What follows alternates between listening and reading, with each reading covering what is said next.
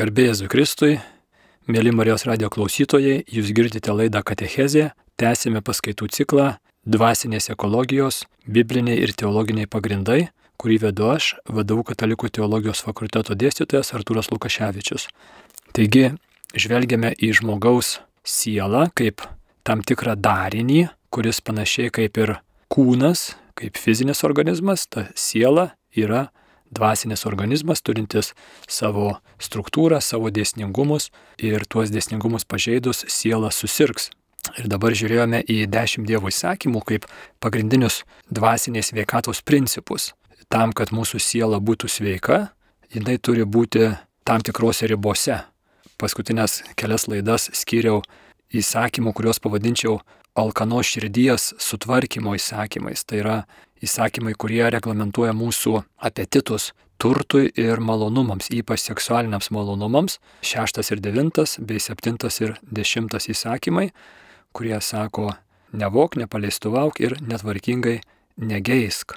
Tikrai labai aktualūs įsakymai ir galim savyje pastebėti, kaip mūsų gyvenimai, kurie dažnai yra pripildyti materialinių gerybių ir pakankamai malonumų yra ir kaip reiškia mums to negana. Gyvenam tikrai labai alkanų širdžių laikais ir tą alkanumą galim pastebėti tie, kurie bandom gyventi dvasinį gyvenimą savyje ir kažkaip tai jį teisingai nukreipti.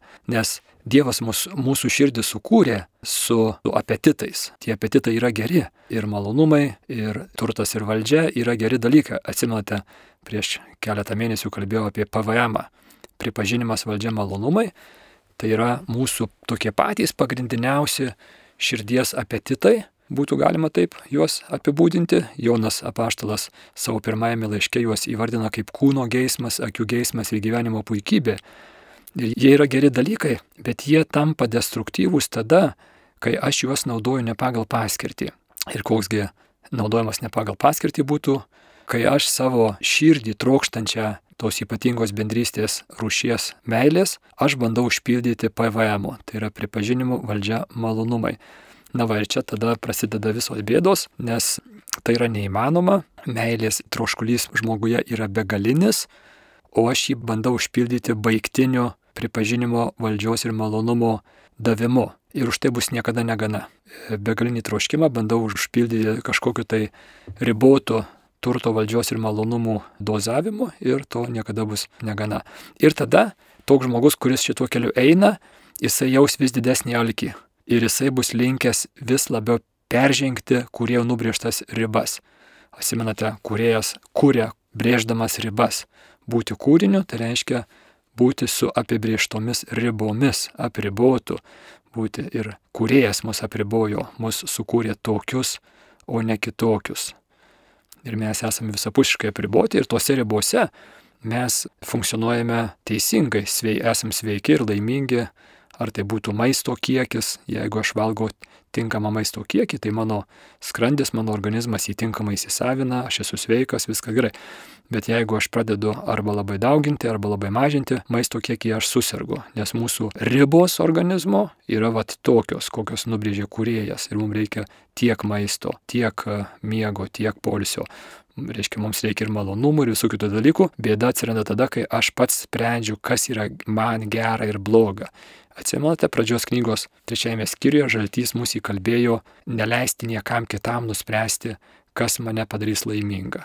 Aš pats spręsiu, kas man gera ir bloga ir atsisakau pripažinti, kurie nubrėžtas ribas. Kurie nubrėžtų ribų peržengimo veiksmas Biblijoje vadinamas nuodėme ir mes jį nagrinėjome paskutinius du mėnesius maždaug.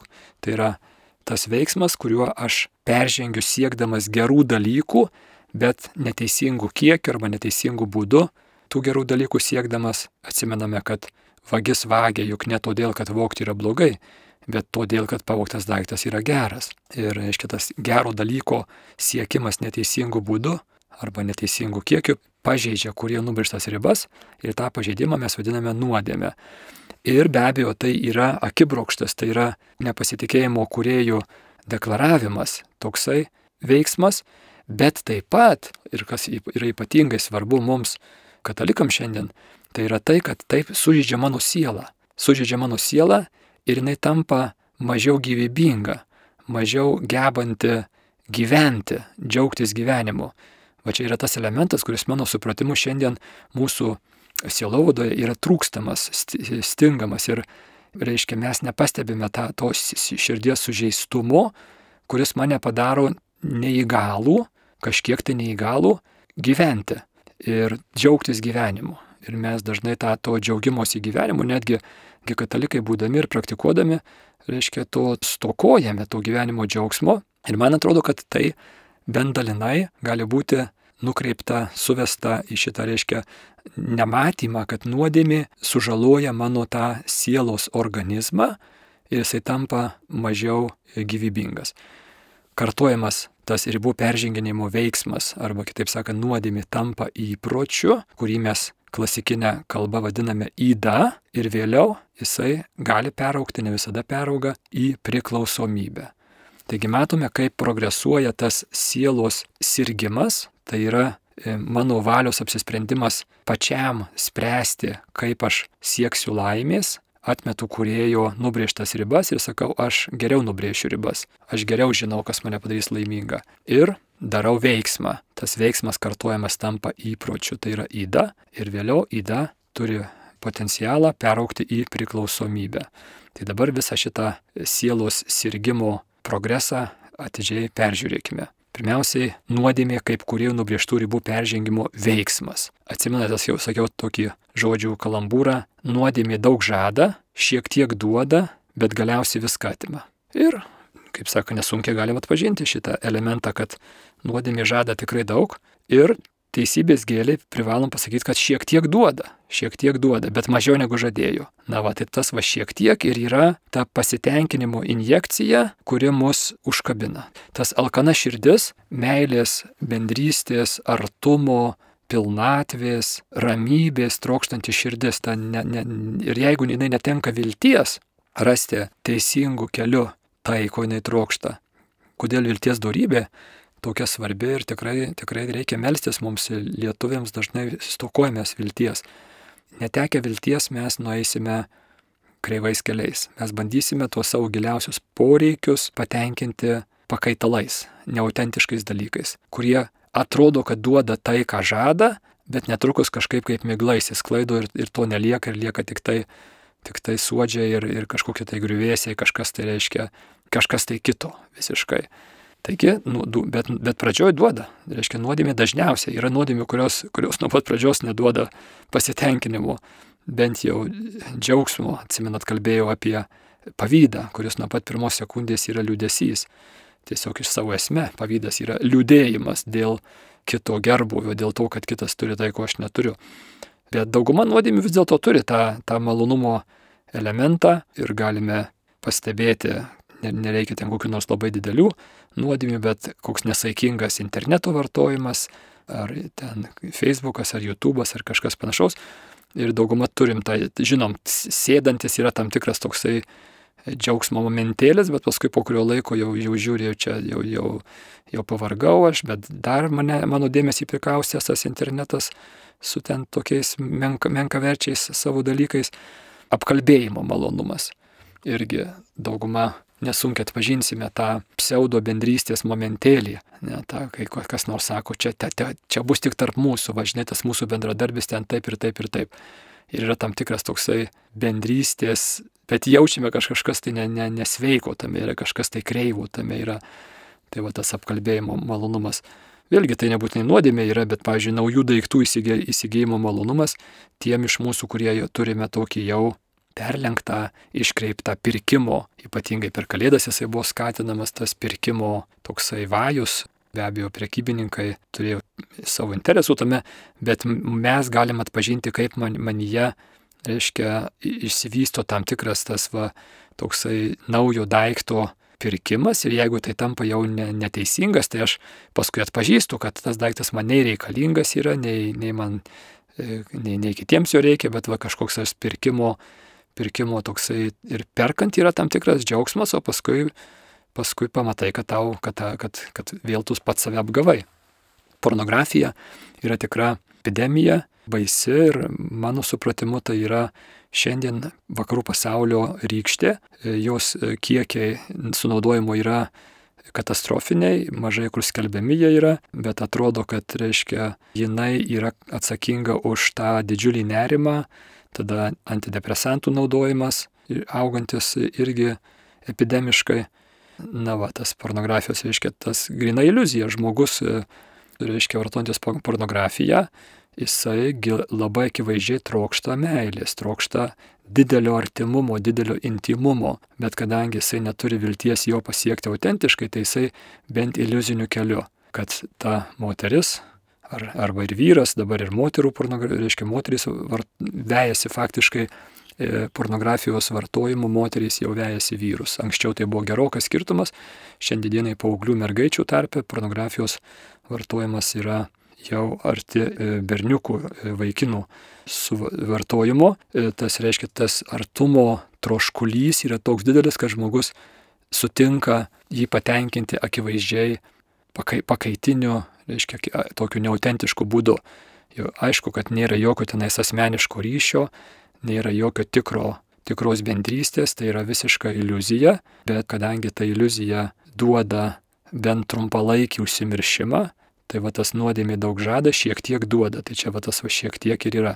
Šitoje vietoje tas susimiršimas atrodo kurį laiką, reiškia, kad ta, ta meilės bendrystė kažkaip tai kūnas bent atrodo, kad ją jaučia.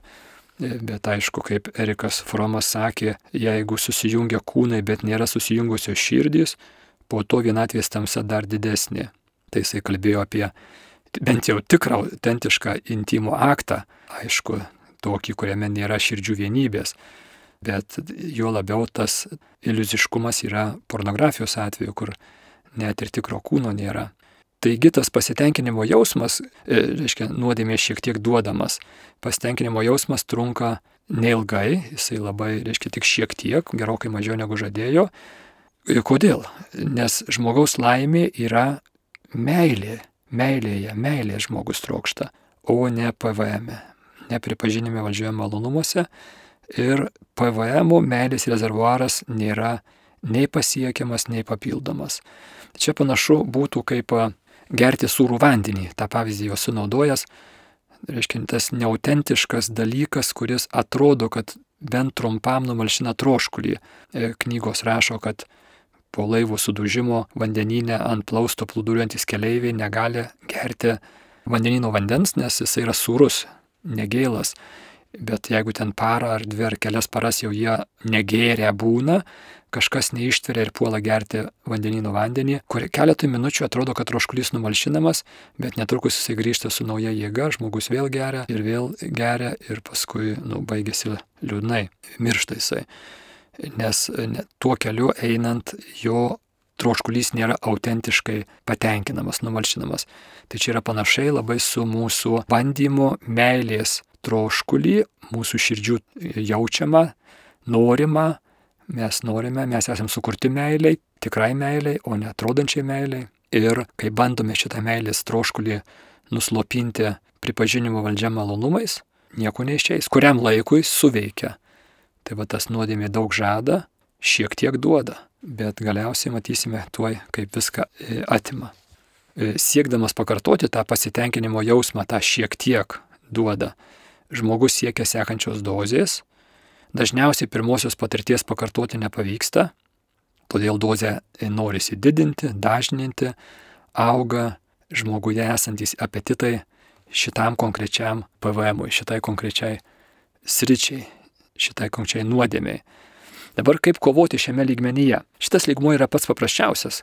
Dar, dar reiškia žmogus tik tai netoli įsileidęs tą destrukciją į save, tai kova yra gana standartinė, žinoma, ugdyti sąžinę pirmiausiai, per kurią prigimtinis moralinis įstatymas nurodo ribas. Teisingas kuriejų nubrėžtas ribas man kaip žmogui, kaip žmogiškai būtybei, mano kuriejas mane kurdamas, tai yra apibrėždamas, apribaudamas, jis tas ribas ir nustatė, sukūrė ir aš jas galiu atpažinti per sąžinę. Tai čia būtų sąžinės ūkdymas, literatūros skaitimas, paskaitų klausimas, pokalbiai su nusimenančiu žmogumi. E, ir tada savo protos ir pastango, valios pastangomis aš atsisakau tų veiksmų, stengiuosi sakyti tų veiksmų, kurie pažeidžia tas ribas. Labai svarbus dalykas būtų tokia bendra charakterio ūkdymo nuostata. Vėlgi mes gyvename tokiais e, apsnūdimą skatinančiais laikais, kai ypač gal paauglių tarpe, reiškia tokia bendra tingėjimo, e, reiškia tokio pasyvumo, tokio ta vat, visa internetinė kultūra skatina mūsų didelį pasyvumą, kur tu esi tiesiog pasyviai susirbi į save viską, kas, ką ten tau duoda tas ekranas. Tai kviečiu užimti tokią katalikišką, krikščionišką poziciją, kovingą poziciją, tai yra charakterio ugdymo nuostata.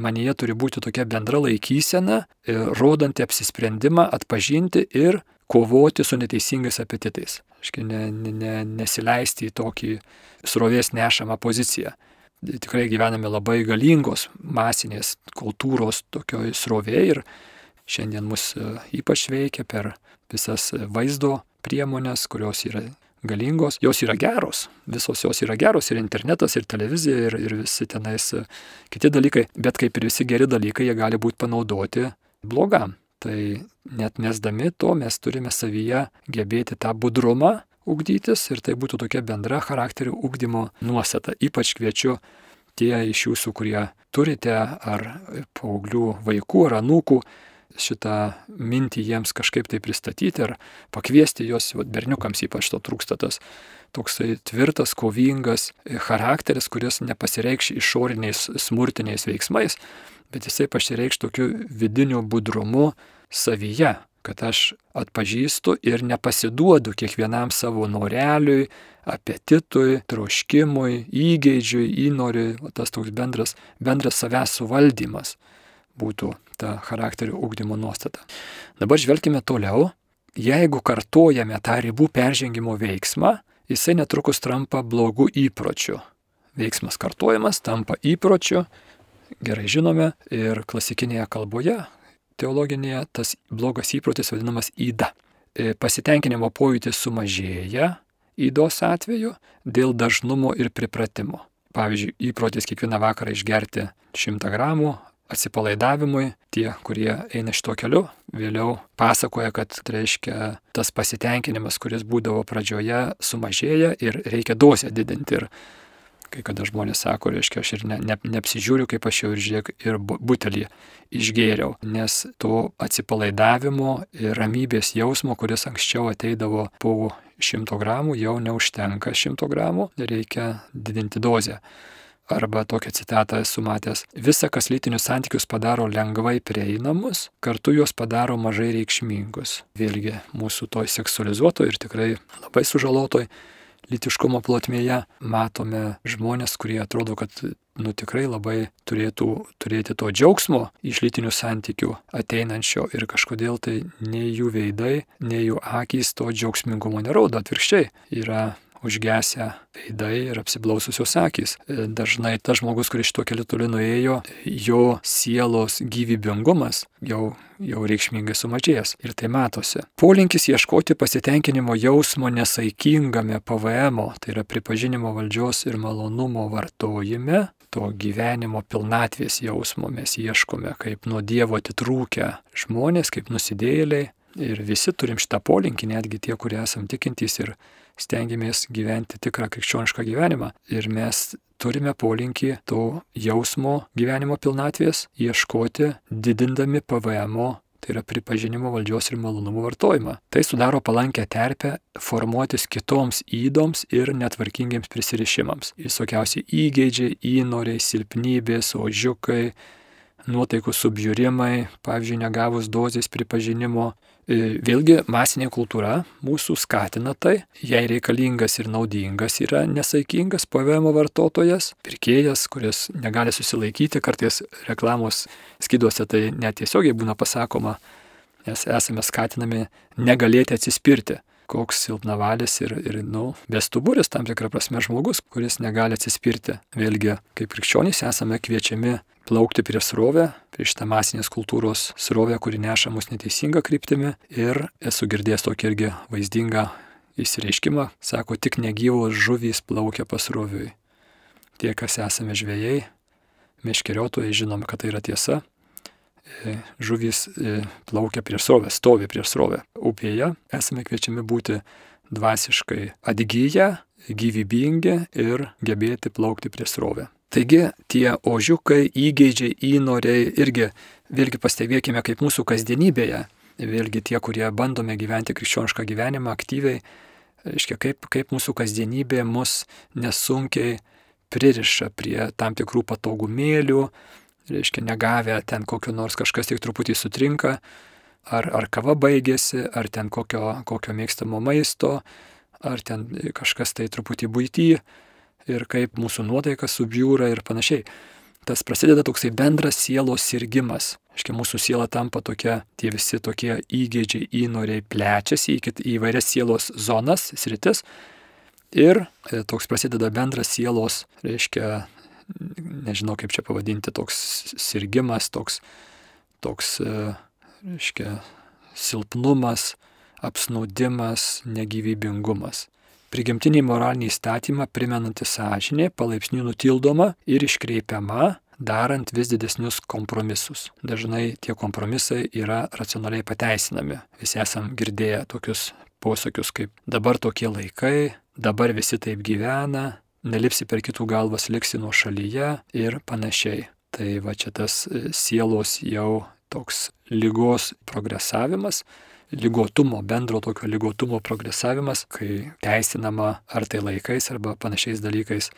Esu girdėjęs tokį pavyzdį, jo daryti gal nereikėtų, bet jisai iliustruoja neblogai. Šitą situaciją jau irgi turbūt esu sakęs jį. Sakoma, kad jeigu varlę įmestum į verdančio vandens puodą, tai jinai iššoktų iš jo, iš to karščio šoko jinai šoktų, bet jeigu varlė įmestų į šalto vandens puodą ir jį pastatytų ant ugnies ir šildytų iki užvirimo, tai varlė išvirtų, jinai nepajustų to pokyčio, kuris ateina lietai. Tai štai čia šitoje vietoje mes, krikščionys, turim būti ypač budrus ir gebėti atpažinti manyje esančios tas tendencijas taip apsnūsti, aptinkti, įsipatoginti, į kompromisus leistis. Ir, reiškia, mano siela po truputį nustoja to budrumo ir gyvybingumo.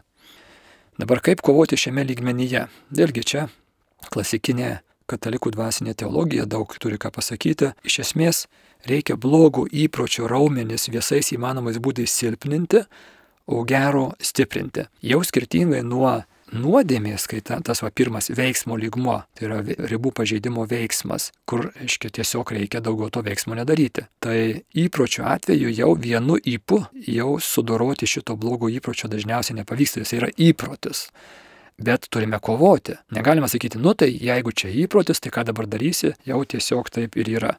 Ne, mes privalome kovoti ir bendras principas yra, kad nekartoti to veiksmo, stengtis nekartoti arba retinti, silpninti tą veiksmą blogą, o jį kompensuoti priešingų gerų veiksmų. Tai yra dvasinius raumenis blogus silpninti, o gerus priešingus stiprinti. E, čia bus bendra tokia strategija dažniausiai pasiteisinanti, tai yra maži žingsneliai, atkakliai ir sistemingai kartojami. E, reiškia, vargu ar pavyks per vieną vienu įpu išrauti tą šaknį, bet ją klibinant, klibinant, maži žingsneliai po truputį, bet atkakliai, nenusiminti, kad po pirmo, antro, trečio ir dvidešimto žingsnelio nepavyko išrauti, aš turiu ir toliau klibinti. Tie, kurie būtie kokius darbus dirbame, kai žinom, kai kartais kokią vinį ar kokį įstrigusį daiktą reikia atkakliai judinti, judinti, judinti, kol jisai galų gale išlaisvina. Tai jeigu aš po pirmųjų penkių pajudinimų sakysiu, man nepavyksta, tai aš ir liksiu toj pačioje srityje, bet jeigu aš dar judinsiu 20 kartų, po 20 kartų, žiūrėk, jisai jau išsitraukia. Tai sistemingumas ir atkaklumas. Dabar labai svarbus dalykas irgi praktikoje pastebėtas yra tai, kad, kad aš šitą vykdyčiau, eičiau šituo keliu, reikalinga reguliariai duoti labai naudinga yra duoti kitam atskaitomybę. Reiškia, kitam žmogui papasakoti apie tai, kaip man sekasi. Ir daug bendruomenių, dvasinių judėjimų katalikiškų šitą praktikuoja, tai yra turėti savo dvasios draugą, jeigu galima palydėtoje, bet jeigu ne, tai tiesiog savo bendrą keliaivį, bendrą, bendrą žygį. Ir reiškia sakyti, jam va tu kartą per savaitę aš tau leidžiu ir prašau, tu man paskambink ir paklaus, kaip man praeitą savaitę sekėsi koks nors, reiškia, pasirinktas charakterio tobulinimo žingsnis. Pavyzdžiui, ar tai būtų nevėluoti, ar tai būtų laiku atsigulti, kiek iš mūsų žinome, kad, kad nusikalstame, nusidedame prieš save pačius, darom nuodėmę prieš save pačius, laiku neįdami gulti. Ir, aiškiai, dėl jokių priežasčių rimtų nėra ir mes tiesiog kažkaip tai taip laiku neatsigulam, paskui neįsimiegam, sveikata kenkia, tai yra tikrai nuodėmė prieš save patį ir kaip dabar ją įveikti. Turim susidaryti tam tikrą strategiją ir ją įgyvendinti atkakliai sistemingai ir tam, kad nenusiviltume, nenusimintume, nesustotume, labai svarbu, kad kitas žmogus būtų įsileistas į tą visą procesą ir jam reguliariai duoti atskaitomybę, papasakoti, kaip praeitą savaitę man sekėsi. Ir tada ten, kur nesisekė, sudarom planą, peržiūrim, ką netaip dariau, ten, kur sekėsi, pasidžiaugiam kartu, tas reikalingas toksai ir pasidžiaugimas. Taigi, vėlgi tas charakterio ūkdymas, kovojant protų ir valios pastangomis, labai svarbus šiuo atveju. Esu matęs tokį Pitagoro garsiojo graikų matematiko ir filosofo ir mistiko gyvenusio keliamžiai, turbūt kokiam penktam amžiui prieš, prieš Kristų, posakys. Sako, blogiau yra būti aistrų vergu negu tironų vergu. Blogiau vergauti mano viduje viešpataujančioms aistroms, negu išoriškai viešpataujantiems tironams. Tai čia būtų apie įdas, man atrodo, artimiausiai susijęs šitas posakis. Dabar žvelkim toliau. Jeigu vis dėlto kuriejų nubrieštų ribų pažydinėjimas tęsiasi, jisai sukelia ilgalaikės sielos problemas, kurios turi ir tiesioginę, išorinę, psichologiškai fiksuojama išraiška - nepasitenkinimas, irzlumas, nuolatinė neramybė, atstumtumo ir atskirtumo jausmas, nepagristos baimės, beprasmybės jausmas ir panašiai. Va čia tas toksai sielos susirgymas bendras, reiškia, plečiasi ir žmoguje tas gyvenimo džiaugsmingumo vis mažėja, įdų pilnoje sieloje susidaro palanki terpė aukti jau tikrai baisioms lygoms, kurias palyginčiau su vėžiniais susirgymais, tai yra priklausomybės. Ta vat įdų pilna siela, tokia, tokia apsnūdusi, išglebusi, aptingusi, nekovojanti, nebudri siela, galima būtų palyginti ją su priešvėžinė būsena. Esam girdėję, kaip, kaip būna kartais medikai spėja fiksuoti ir, ir tada galima sėkmingai padėti žmogui. Priešvėžinė būklė tam tikra. Bet jeigu ta priešvėžinė būklė nėra, pastebėta ir gydoma, tai judama toliau ir kas atsitinka, tas konkretus ribų pažeidinėjimas sudera arba panaudosiu tokį fizikinį terminą, surezonuoja su asmens silpnybėmis tam tikromis ir susiformuoja priklausomybė. Visi mes esame pažeisti, visi mes esame kažkiek, tai turim visokiausių silpnybių - genetinių silpnybių, fiziologinių, psichologinių, vaikystės traumos, meilės toka ir taip toliau. Ir štai jeigu tas žmogus, tas kūrėjų nubrieštas ribas pažeidinėja, išorinis tas pažeidinėjimas sudera arba surezonuoja su esančiomis silpnybėmis ir, reiškia, išsivysto priklausomybė. Pavyzdys toks paprastas būtų, visi žinome, esam girdėję, kad polinkis į alkoholizmą yra genetiškai, genetiškai reiškia paveldimas. Jeigu buvo alkoholizmas tėvų šeimoje ar senelių šeimoje ir toliau tai tikimybė yra didelė, kad jis ir toliau žmogus turės šią lygą. Bet jeigu toksai ir genetinis polinkis yra perdodamas, reiškia, iš tas polinkis yra perdodamas genetiškai. Polinkis. Bet jeigu tas žmogus, kuris turi polinkį, reiškia, jis turi silpnybę tam tikrą, šiuo atveju genetinę silpnybę, santykė su alkoholiu, bet jeigu toks žmogus niekada nepaims pirmos taurelės, tai ta silpnybė niekada, kaip sako, nesuveiks, niekada jinai ne, neišstartuos, niekada jinai neišauks į lygą. Tas reiškia, tas mūsų viduje esantis polinkis gali niekada nesirealizuoti, koks jisai bebūtų tas polinkis, jeigu aš teisingai elgsiuosi, jeigu aš šiuo atveju alkoholio ne, neragausiu, ne, nepiknaudžiausiu juo, geriausia visai jo nevartosiu, tai tada jokio pavojaus nėra. Mano polinkis į alkoholizmą niekada neperauks į alkoholizmo lygą. Tai tas vat rezonansas, tikriausiai prisimename, kas tai yra. Rezonansas tai yra kokio nors daikto, pavyzdžiui, supinė, atsimenat, va visi toks paprastas vaikiškas dalykas, supinė pakabinta, reiškia, ir vaikas supasi ir esam supę visi vaikus, Ir atsimenat, kaip reikia įsupti. Reikia pridėti nedidelę jėgą reikiamų momentų. Tai va būtent ta jėga surezonuoja, sudera su supinės sviravimo dažnumu ir galima stipriai supti tą vaiką visai nedidelę jėgą, stumtelėjimą pridedant tam tikrų momentų. Bet jeigu aš supainiosiu ir tą jėgą pridėsiu netinkamu metu, supinė taip pat susimėto ir, reiškia, neįsisupa. Tai va čia būtų, man atrodo, geras pavyzdys paaiškinti, kas yra priklausomybė. Mano organizme, mano fizinėme ir dvasinėme organizme esančios silpnybės, reiškia, tų silpnybių sviravimo dažnumas sudera su išoriškai pridedamo impulsu, fizikinė kalba kalbant, tai toje vietoje gali įsivystyti, surezonuoti ir įsivysto priklausomybė. Nu, kitas pavyzdys irgi esame daugumą girdėję, kad kareiviai žygiuodami per tiltą turi sumaišyti kojas, kad neįvyktų rezonansas, nes galima įsiubuoti tiltą ir jis net gali sugriūti. Visi esam šventojoje tą beždžionių tiltą ėję juo ir žinom, kaip vienas ar, ar du žmonės, du paaugliai gali jį taip įsiubuoti, kad bus neįmanoma perėti per jį po truputį, reiškia, siubuoja, siubuoja, reiškia, ir jisai įgauna rezonansą, gali net sugriūti.